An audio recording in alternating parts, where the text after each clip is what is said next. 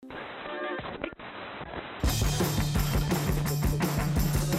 hører du på nå? Du hører på Bokbaren.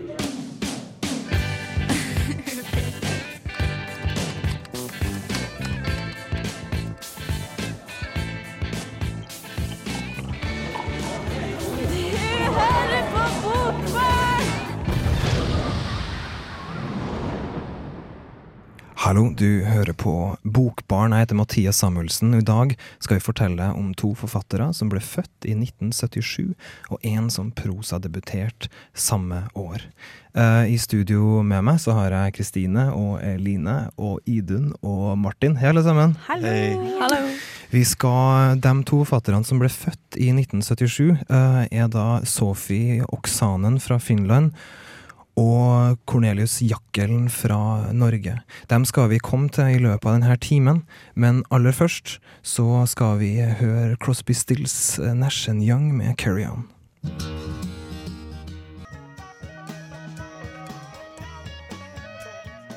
Der fikk du Crosby, Stills, Nash Young med 'Carry On'. Og grunnen til at Idun, Idun eh, glimrer med sitt, sin tilstedeværelse må det være en grunn? ja, er fordi at hun har eh, lest Hun er jo vår Lars Håbe Christensen-ekspert. Ja. Ja. Uh, og nå har, du vært, nå har du fått lest den nye, og de sier jo at Saabye er tilbake uh, på hesten. Hva heter den her? Mm, Den heter Bernhard Wahls forsnakkelser. Oi da. Hvorfor heter den Bernhard Wahls forsnakkelser? Det er jo for at han har en diagnose som ikke er nevnt i det hele tatt i boka, og det er jo gutt, for han er doktor. Men uh, i stedet for å kalle noe som er sterkt er Tourettes, så kaller han seg sjøl for et kantete menneske. Men det er vel en grunn til at han også ikke uh, blir diagnostisert, og det er jo fordi at denne boka ikke foregår nå. Nei, det er, han er født i 1900, og Oi. han skriver da livshistorien sin i 1980. eh, Mm. Gjennom nesten et helt århundre. Men jeg måtte jo søke opp Tourettes da, for å finne ut når de eh, på en måte setter ned diagnosen her, og det viste at det er A255. Mm. Men så hender oss da litt Men Tourettes, det er når du liksom eh, kommer ut med masse bannskap og forstyrrer alle på kjøpesenteret fordi du ikke kan stoppe det å banne, liksom. Oppi senga av musa sapientum! Det skjønner ikke jeg hva det betyr. Jeg har, jeg har kommet til å bli forstyrra hvis noen sa det på Ica mens jeg var der, men jeg har ikke kommet til å skjønne hva det betyr. Nei, han eh, er jo da ekspert på latin. Han studerte Å, latin før han Vet du hva det betyr? Studere- Hva, kan du oversette det til norsk? Nei, dessverre. jeg Hvis du hører det en gang til, Martin, så kan du prøve å se for deg hva på en måte Altså før endelser, da. Før Få høre en gang til med litt mer sånn sexy damevokal, i dun. Åh, pisang av musa sapientum. Å, herregud. Men eh, Talk det, dirty to me. det, det, det får være en teaser eh, nok. Du har laga en, eh, en lengre sak om det her som vi skal høre litt på. Bernhard Wahl var født i 1900 og er nå inn i sitt 80. år. Han skriver livshistorien sin fra sitt vesle isolat i form av leiligheter i Skogveien i Oslo. Han skal bare skrive ferdig før han skal gjøre ende på det hele, med et par eldgamle, blå drops trygt oppbevart i sin fars gulvur. Gulvuret er det eneste som er igjen etter far sin og barndommen på Besserud. Der vokste han opp som enebarn i en høytstående familie, der det hele tar ei brå vending når faren tar livet av seg under store krakket på 20-tallet. Det er slik han og mora ender opp i Skogveien, som også skal bli Bernhards endestasjon. Bernhard Wahl var som legestudent den beste i sitt kull. Likevel skal tvangstanker, forsnakkinger, tics og uvaner som spytting, gnissing til å tenne og utrop av obskuniteter gjøre livet og legegjerninga vanskelig for Bernhard. Under sin friarferd til rikmannsdattera Sigrid skal han komme til å møte Notto Senum, eller Notto Fipp, som han senere velger å kalle seg grunnet sitt litt stusslig anlagte fippskjegg. Bernhards nedtegnelser handler like mye om den besynderlige kappgangen Notto Fipp som om seg sjøl. Det er i det hele så her originalkarakterene, helt kantete mennesker, som de kaller seg sjøl, som driver handlinga, og så griper det som leser. Språkbruken, formuleringene, uhørte obskuniteter og alle digresjonene flytter seg inn i handlinga og gir en spent helhet. Før jeg sluttet å gå ut for godt, etter møtet med kong Olav, pleide jeg å ta en tur rundt Vigelandsanlegget. Disse heslige statuene og monumentene var nemlig det eneste som kunne få meg i litt humør. er nok sagt. Hadde bare noen gitt meg en hel park. En formiddag, sent i mai, gikk jeg forbi Frognerbadet for å angripe monolitten fra nordøst. Noe annet kom imidlertid i veien. En pike. Hun løp barbent på den varme asfalten, og plutselig stanset hun. Noe jeg også gjorde. Piken stanset altså, og trakk på den ene foten. Den hang fast.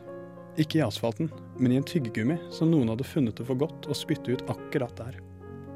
Hun løftet foten. Tyggegummien fulgte etter. Hun sparket.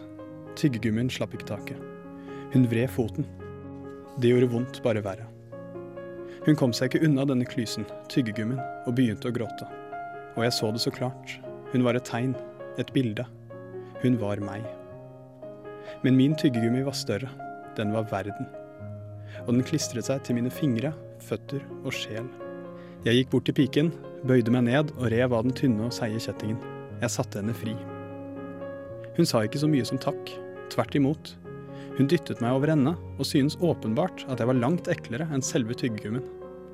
Løp inn porten til bassengene hvor hun ble stående sammen med sine lettkledde og like forherdede venninner og peke på meg gjennom nettinggjerdet. Jeg brukte et år på å kvitte meg med den tyggegummien. Og ennå er ikke hendene mine rene. Ennå henger jeg fast. Et par høydepunkt til jeg vil nevne, er de kjente karakterene som Bernhard kommer til å fornærme. Både kong Olav og Knut Hamsun dukka opp et par ganger hver, og forårsaka trimming av magemusklene. Blant annet havna Bernhard i samme vogn som kong Olav i den kjente trikkescena der ikke noen har bil den sur vinterdagen en gang på 70-tallet. Han greier heller ikke her å holde på bannskapen, og får seg sjøl kasta av trikken på Besserud, hans barndoms forhatte stasjon og bostad. Det å blande fiksjon med ei så kjent virkelighet er et godt grep for å holde leseren interessert. Det får meg til å gledegrue meg for hva som kommer til å komme. For hva kan en finne på å si til kong Olav? Ludderpudderrunkefitte og kuk i humoreen og andre hysteriske, upassende utsagn i helt feil setting gjør at jeg flirer meg i hjel. Min hele 600 sider med obskuniteter og Neras tilbeding av vandreren Notofip til fordel for kona Sigrid er litt i overkant.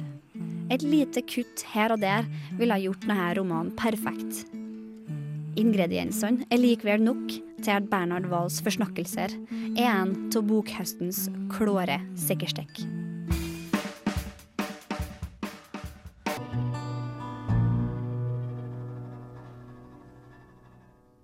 Der fikk du Tinhat Trio med Nickel Mountain, og før det så hørte du Idun Fivelstad sin anmeldelse av Lars Ove Christensen sin Bernhard Wahls forsnakkelser. Men nå skal vi over til en yngre uh, person, uh, født i 1977 og er finsk, Sophie uh, Oksan. hun vant Nordisk råds litteraturpris for, for Stalins kyr. Uh, og som kom i 2003. Det var debuten hennes. Etter det har hun skrevet Baby Jane i 2005. Og så i 2008 uh, Utrenskning, den boka som vi skal snakke om nå. For den, den ble oversatt uh, i 2010 på Oktober forlag, Kristine. Ja. Er du, hva, du, altså, hva er på en måte, hvis du skal opp, opp, oppsummere på en måte leseropplevelsen her i noen få ord? Den blir veldig fysisk. Um Oksanen har veldig mange bilder som ofte blir makaber. Uh, så du blir veldig dratt med inn i boka og blir veldig revet med. Um, hun skaper en veldig ganske ubehagelig stemning, vil jeg si.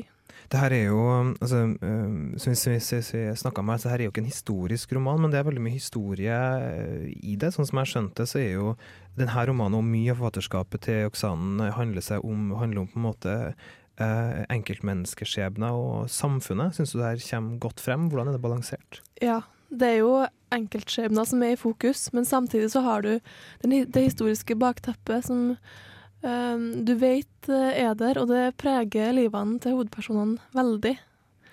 Du må nesten fortelle oss litt hvor det her er foregår, så vi får en sånn en måte, følelse av uh...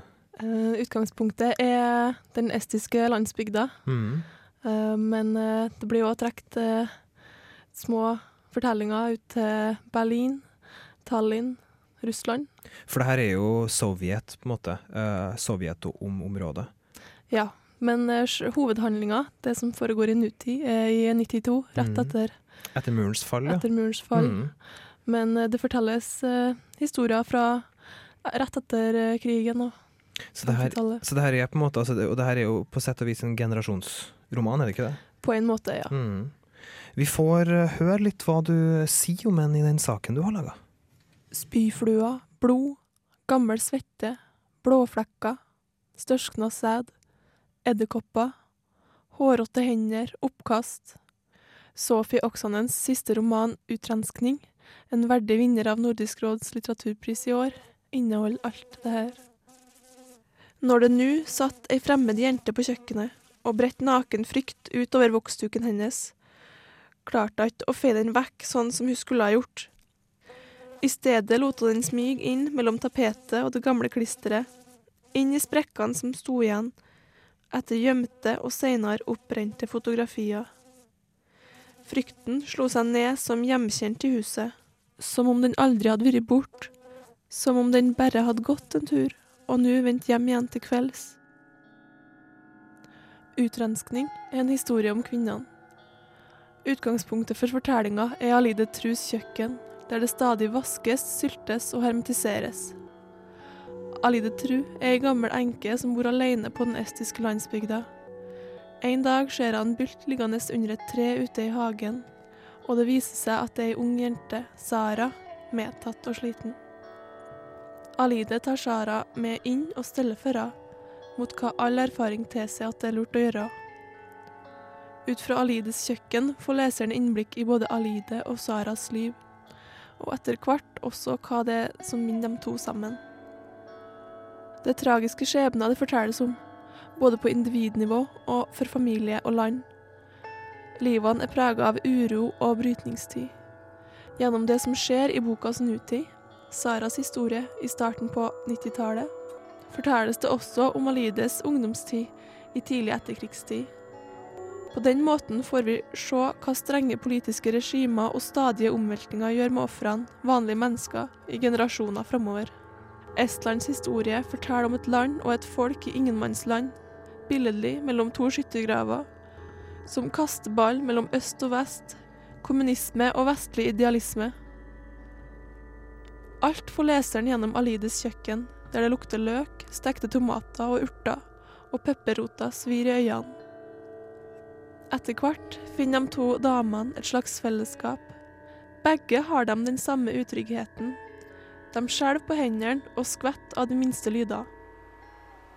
Et jegerfly på øvelsesflygning svusja så lavt at vinduet skalv. Alide åpna øynene. Den samme mannen. I det samme rommet. De samme hårete hendene. Der, i kjelleren på kommunehuset. Der hun hadde forsvunnet. Der hun ville slippe levende vekk fra. Sjøl om det eneste som hadde overlevd, var skammen. Da hun gikk, løfta hun ikke blikket fra gulvet, ikke fra trappa eller fra gata. En militær lastebil skramla forbi i voldsom fart og dekka henne med støv. Det klistra seg til gommene og øynene og ble til aske på den brennende huden. Gjennom de åpne vinduene på kulturhuset hørte korøvelsen. I min sang og i alt mitt arbeid. Enda en lastebil hufsa forbi. Grusen spruta på leggene. Du er hos meg, store Stalin. I ei stilsikker ramme og på en relativt usentimental måte forteller Sofie Oksanen om fattigdom, ulykkelig kjærlighet, misunnelse, brutal mishandling, svik, løgn, trafficking og et menneskeverd i oppløsning. Romanen er spekka med brutale bilder, både av dramatiske vendepunkt, men også av hverdagslivets små hendelser.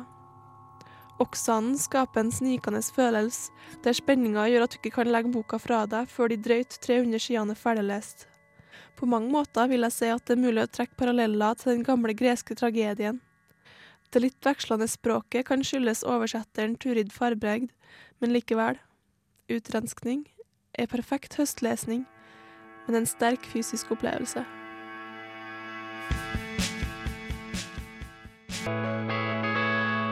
Der fikk du uh, The Radio Department med The New uh, Improved Hypocrisy. Det er mye. Det er lange låttitler i dagens Nytt og forbedra. Det er jo alltid, alltid kjekt. eh, Alltid bra. Vi skal over til neste. Um, eh, prosaforfatter, født i 1977. Men denne gangen en eh, norsk eh, hardhaus eh, som eh, flere av dere sikkert har hørt om. Han heter Cornelius Jackelen, og er først og fremst kjent egentlig som lyriker. Altså, han, var- i hvert fall først kjent som lyriker, Han men han er først og fremst kjent som romanforfatter. Ja, Han debuterte i 2001 som lyriker, og har vært en veldig markant ly lyriker og musiker. Men du har lest uh, eh, pros, altså den, den første prosaboka hans, Helene. Ja, 'Gudenes fall'.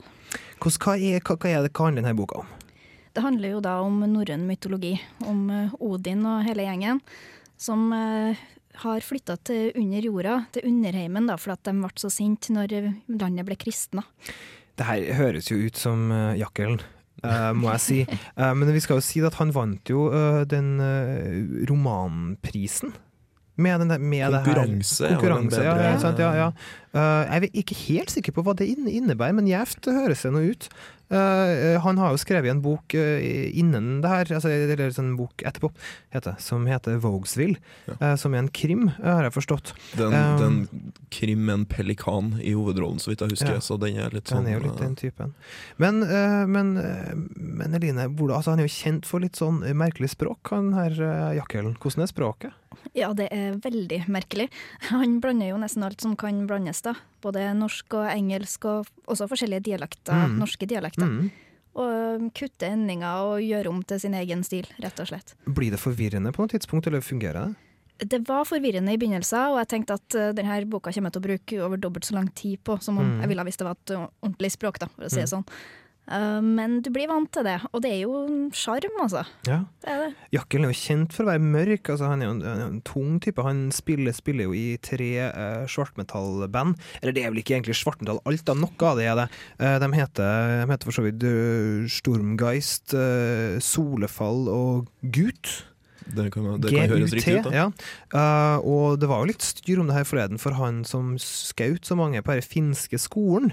Eh, hadde liksom sagt at han var inspirert av, Strom, eh, av Stormgeist eller noe sånt der, da, ikke sant? Altså, det er jo på en måte sånn som alltid skjer. Stakkars Marilyn Manson fikk jo skylda uh, i USA. Noe sånt må jo skje. Men, men er, det en, altså, er det her en voldelig og mørk bok, liksom? Altså, den norrøne mytologien er jo mørk. Det synes jeg altså, Odin er en, en farlig gud. Han, har, han, han kan bli sint, og det passer godt sånn sett da med black fucking shit metal. Ja, ikke sant. Uh, det her er jo noe av det jeg har lagt eh, mest, mest merke til med Jack Hellen. Altså, jeg har jo lest en del av diktsamlingene, han har sikkert lest 'Gudenes fall', for eksempel, burde vel kanskje gjøre det. Men, eh, men også fra et sånn rent estetisk punkt så er det jo interessant, for han opererer jo med helt andre referan eh, referanser enn veldig mange andre samtidsforfattere gjør. Nemlig svartmetall, norrøne guder, og møte de her referansene med et helt annet form for alvor. Eh, eller mangel på alvor, kanskje, enn en, en andre forfattere. Burde Martin lese denne boka her? Ja, du må jo lese den boka. Må jeg lese den? Altså det er jo, jeg kan si at Jakkelen er jo en, eh, en veldig eh, variert type. Han, han, han er jo en, Så vidt jeg forstår, så driver han jo og skriver eh, doktorgraden sin i filosofi, og han har også gitt ut en barnebok som Ja. heter 'Rikke vil ikke'. Eh, så han, han har mange bein å stå på, den her, den her mannen. Eh, men jeg tror at vi skal la, eh, la saken din eh, snakke for seg. Dau jeg? Hell no. Jeg ser jorda stige opp av havet. Evig grønnkledd er hun, fistende flunkende ny. Fosser faller, ørn flyr over, den som på fjellet fisken veider, men ikke alt er som før. Fisken har fått panserhud og antiluftskyts, så den skeinende jakthøna kan bare prøve seg. Evolusjonen går seint, og jeg er utålmodig. Derfor skipper jeg skiten jeg ikke gidder. Spoler fast fucking forward over fjell og isbreer og hav og alger og øgler og ulver og folk og gadgets og greier og stopp. Yes, fuckers. Da er vi inne i den nye verden. Gudenes fall av Cornelius Jakkelen handler om de gamle norrøne gudene som ble fly forbanna da Norden ble kristna i år 1000. Odin sjæl reagerte med å ta med seg hele gudestasen ned i underheimen, altså under jorda. Her får han tida til å gå ved å sitte og se på hva menneskene finner på i overheimen, mens han røyker sigasa, altså sigarer, utveksler mer eller mindre filosofiske samtaler med dvergekompisen sin Hornbordet, puler Frøya eller opptrer som komiker i gudenes egen moropub. Gudene trives ikke like godt som de gjorde i sine glansdager, da de holdt til på Island og ble tilbedt og ofra til over ei lav sko, men de gjør altså det beste ut av det. Sånn halvveis ute i boka begynner Odin å brygge på planer om igjen å stige til overflata, med gudepakket sitt og Åsgård og dyrehyrden og hele sulamitten. Han har planer om å ta makta over menneskeheten som for tusen år siden bytta han ut med en fjollete kristenbud. Og det her, det skal han gjøre ved hjelp av black fucking shitmetal. Det her er Odins store forkjærlighet, og som han sjøl sier, Ettersom black fucking skitmetallere er fryktelig fryktelig tøffe fordi de sitter i fengsel, så må musikken, altså bråk og bråk blanda 5049 med et eneste fuglepipp av musikk mellom linjene, allerede skjule hvor tøffe de er bak en vegg av ræva lyd. Poenget er en black fucking skitmetaller har ingenting å bevise med musikkbråklig bråk, følgelig digger de å hinte til sin egen tøffhet med en produksjon som er så ræva som mulig. Om black fucking skitmetallbesetninga er trommer, bassgitar, gitar, gitar og vokal, eller trommer, bassgitar, gitar, gitar, gitar, sologitar og vokal, spiller ingen rolle, da lyden er så bedriten at du uansett ikke vil høre forskjellen. De kalte det evil. De kalte det true Norwegian black metal. Det hele blir med ett enda mer komplisert, da Odin får seg en real erkefiende i dvergen Regen, som har sin egen agenda om verdensherredømme. Jotnene er heller ikke alltid like samarbeidsvillige. Et salig rot kan du tenke deg at det blir når det her gode selskap, bestående av guder, kjemper, dverger og hybrider som ikke ligner noe som helst, slår seg løs blant oss mennesker i det som nærmer seg år 2000 i vår tidsregning. Språket Jakkelen bruker gjør ikke det hele mindre komplisert. Han blander en kreativ form for engelsk og norsk om hverandre, og lar det hele få et muntlig preg. Han går heller ikke av veien for å ta for seg norske dialekter. Det er litt å sette seg inn i, men boka byr på en originalitet og en fantasi som er vel verdt å få med seg.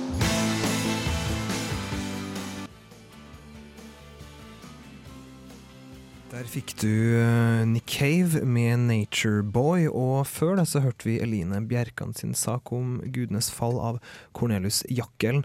Eh, vi skal bare få rett på en liten ting her, og det er at uh, utrenskning eh, fikk eh, Nordisk råd, og ikke Stalins kyr. Så der tok du Sofie feil, Mathias. Oksanen, det gjorde jeg. Fy-fy, Mathias. Og det er litt viktig å få med, for hun fikk Nordisk råd i år. Ja. Ja. Det er litt av en, eh, litt av en eh, sak å klare. Ja, de det er så altså- ung alder. Fra Norge så har jeg jo da allerede beseira Hvem var det? Det var en, det var en Thomas Espedal, Mhm. og så var det en, var det en Per Petterson. Ja, men Thomas Espedal han blir nominert hvert år, han, og så Ja, vinner han aldri. Det er veldig trist. Jeg håper Thomas vinner neste neste Han er litt sånn den nye, den nye Hva han heter han dikteren som ble liksom nominert i ti år, men aldri vant? Kan du tenke til Nobelprisen, eller til Nei, til- til Nordisk råd, Nordisk norske. Jeg vet da søren. Han, eh, Jeg vet da søren. Ok. Vi får finne, vi får komme tilbake til dere med det. Men jeg tenkte før vi på en måte Altså, de her er jo to uh, prosaforfattere. De er like gamle. Begge kommer fra Skandinavia, og begge er på en måte mørke. Men uh, altså Eline, det her er jo, det er jo mørkt, og det er, det er brutalt. Ja, du kan beskrive det som brutalt. Men eh, det er jo gjort på en måte som eh, Du har humoren der. Ja. Og med språket, da, som er så særegent, så, eh, så blir det, det er aldri intenst nok. I hvert fall mesteparten av boka, mm. til at du, du sitter der og føler ubehag. Så det er, det er litt gladvold, altså. Ja, litt sånn hyggelig. Ja, syns jo det her er jo en eh, det er jo, det er jo en eh, I fjor så kom jo en bok ut som het 'Fregd', eh, av eh, Ove Lars Ove Seljestad, tror jeg. Lars Ove Seljestad. Og den er jo, altså, om ikke lik, så bruker han de samme språklige tingene, og han og handler jo masse mye vold i denne. Du kan jo si at det er vel ikke det samme språket som brukes, men Nei, det er vel en slags samme innstilling til hva korrekt språk er. Ja, Eh, og så for meg også med en sånn form for arkaisk ikke? Jeg på en måte Ja. tenker, tenker en, sånn, eh, en, en sånn alternativ eh, norsk, da. Men hvis man skal trekke noen linjer mellom de her to bøkene, Kristine, så har vi jo snakket om fordi at altså, Jakkelen kan være brutal, og så er kanskje Sophie Oksan fæl. Ja, det er brutalt i hennes bok òg, Ja. det vil jeg si. Men eh, det er ingen humor. Nei. Og stemninga er utrygg gjennom hele boka. Så det er på en måte ingen pustepauser. Jeg skjønner. Og når du sier altså, brutalt, da, så er det på en måte den, så er det den altså, Jeg skjønte kanskje om det er den intimiteten da, som er Ja. Det er ikke noen sånne lange utgreininger om eh, det her verste hendelsene, men eh, du vet at de er der. Ja. Og du får servert det, da, på en måte. Så Så de sitter i magen, på en måte, da. ja. Så det blir, det blir en veldig fysisk opplevelse, sånn som Mm. jeg ja, ikke sant, du nevnte sa i det. Ja, ja, ja. Du blir på en måte fysisk uvel eh, av den, Ja. for det blir så sterkt. Jeg blir jo minnet min, min, min, min på Sara Stridsberg. eh, Her, her er det altså en annen Nordisk råds uh, litteraturprisvinner. Uh, eh, litt eldre, men, men, men altså, som, som skriver om, skriver om noe av det samme typen ting. Hva du tror du, Martin? Har du, altså, er du, synes du den er, er det en lov? Å og, og dra den her over til Sara Stridsberg. Ja, skan, skandinava, kvinnelige unge, på en måte ja, du kan jo si at eh, det er naturlig å sammenligne forfattere av samme generasjon med hverandre. Uh, men om det går an å dra den så mye lenger enn det, uh, det blir jo, det blir jo, eh, det blir jo uklart. Eh, men ofte så er jo sammenligninga mest interessant når man ser på forskjellene, enn når man ser på likhetene. Hva er forskjellene, da? Nei, si det. Eh, altså Hvis man da skal ta det vi faktisk snakker om her, med Oksanen og, og Jakhell, eh, så er det jo litt interessant at eh, altså, Å da bare gå inn på det her med skildring av vold og brutalitet og, og sånne ting som det der, så er det jo veldig mye Så hopper min, hopper min erfaring tilbake til 90-tallet med film. Altså Hvis man tenker på, på når Tarantino begynte å skildre vold, i motsetninger til den gamle actionfilm-type ting. Så altså, Det er jo ingen kanskje en direkte sammenligning, men det, det er i hvert fall et, et, et, en observasjon går det an til å gjøre der på at, på at vold fungerer på forskjellige måter. At det går an til å legge forskjellige ting i det. Men en ting jeg vil si i forhold til det her med vold, da, er at det er en annen type vold i Mm. Oksanen sin eh, roman. For den er veldig seksualisert og retter seg mot kvinnene. For det er dem det handler om i den romanen her. Mm. Og der tror jeg vi har en stor forskjell mellom Jakkelen og Ja, Jeg tror ikke Jakhellen kommer til å skrive noen bøker om hvor mot kvinner. Nei, det første, for å være helt ærlig. Men altså, Eline, du hadde et eksempel her på, på en måte, det her, den her gladvolden. Kan du fortelle hva det er? Det. Jo, helt i begynnelsen av boka så skal gudene spille fotballkamp mot jotnene. Og vi får jo presentert det her som om det er en eh, fotballkamp sånn som vi kjenner det, med publikum og hoiing og vræling, og det er spennende og kjempeartig. Eh, Men det går jo ut på at de, skal, de dreper jo hverandre, og de spiser opp hverandre, og de er utrivelige mot hverandre. Da får vi la det være på en måte siste ord mot slutten her. Eh, før vi forlater dere helt, så skal dere få Chicorea med Love Castle.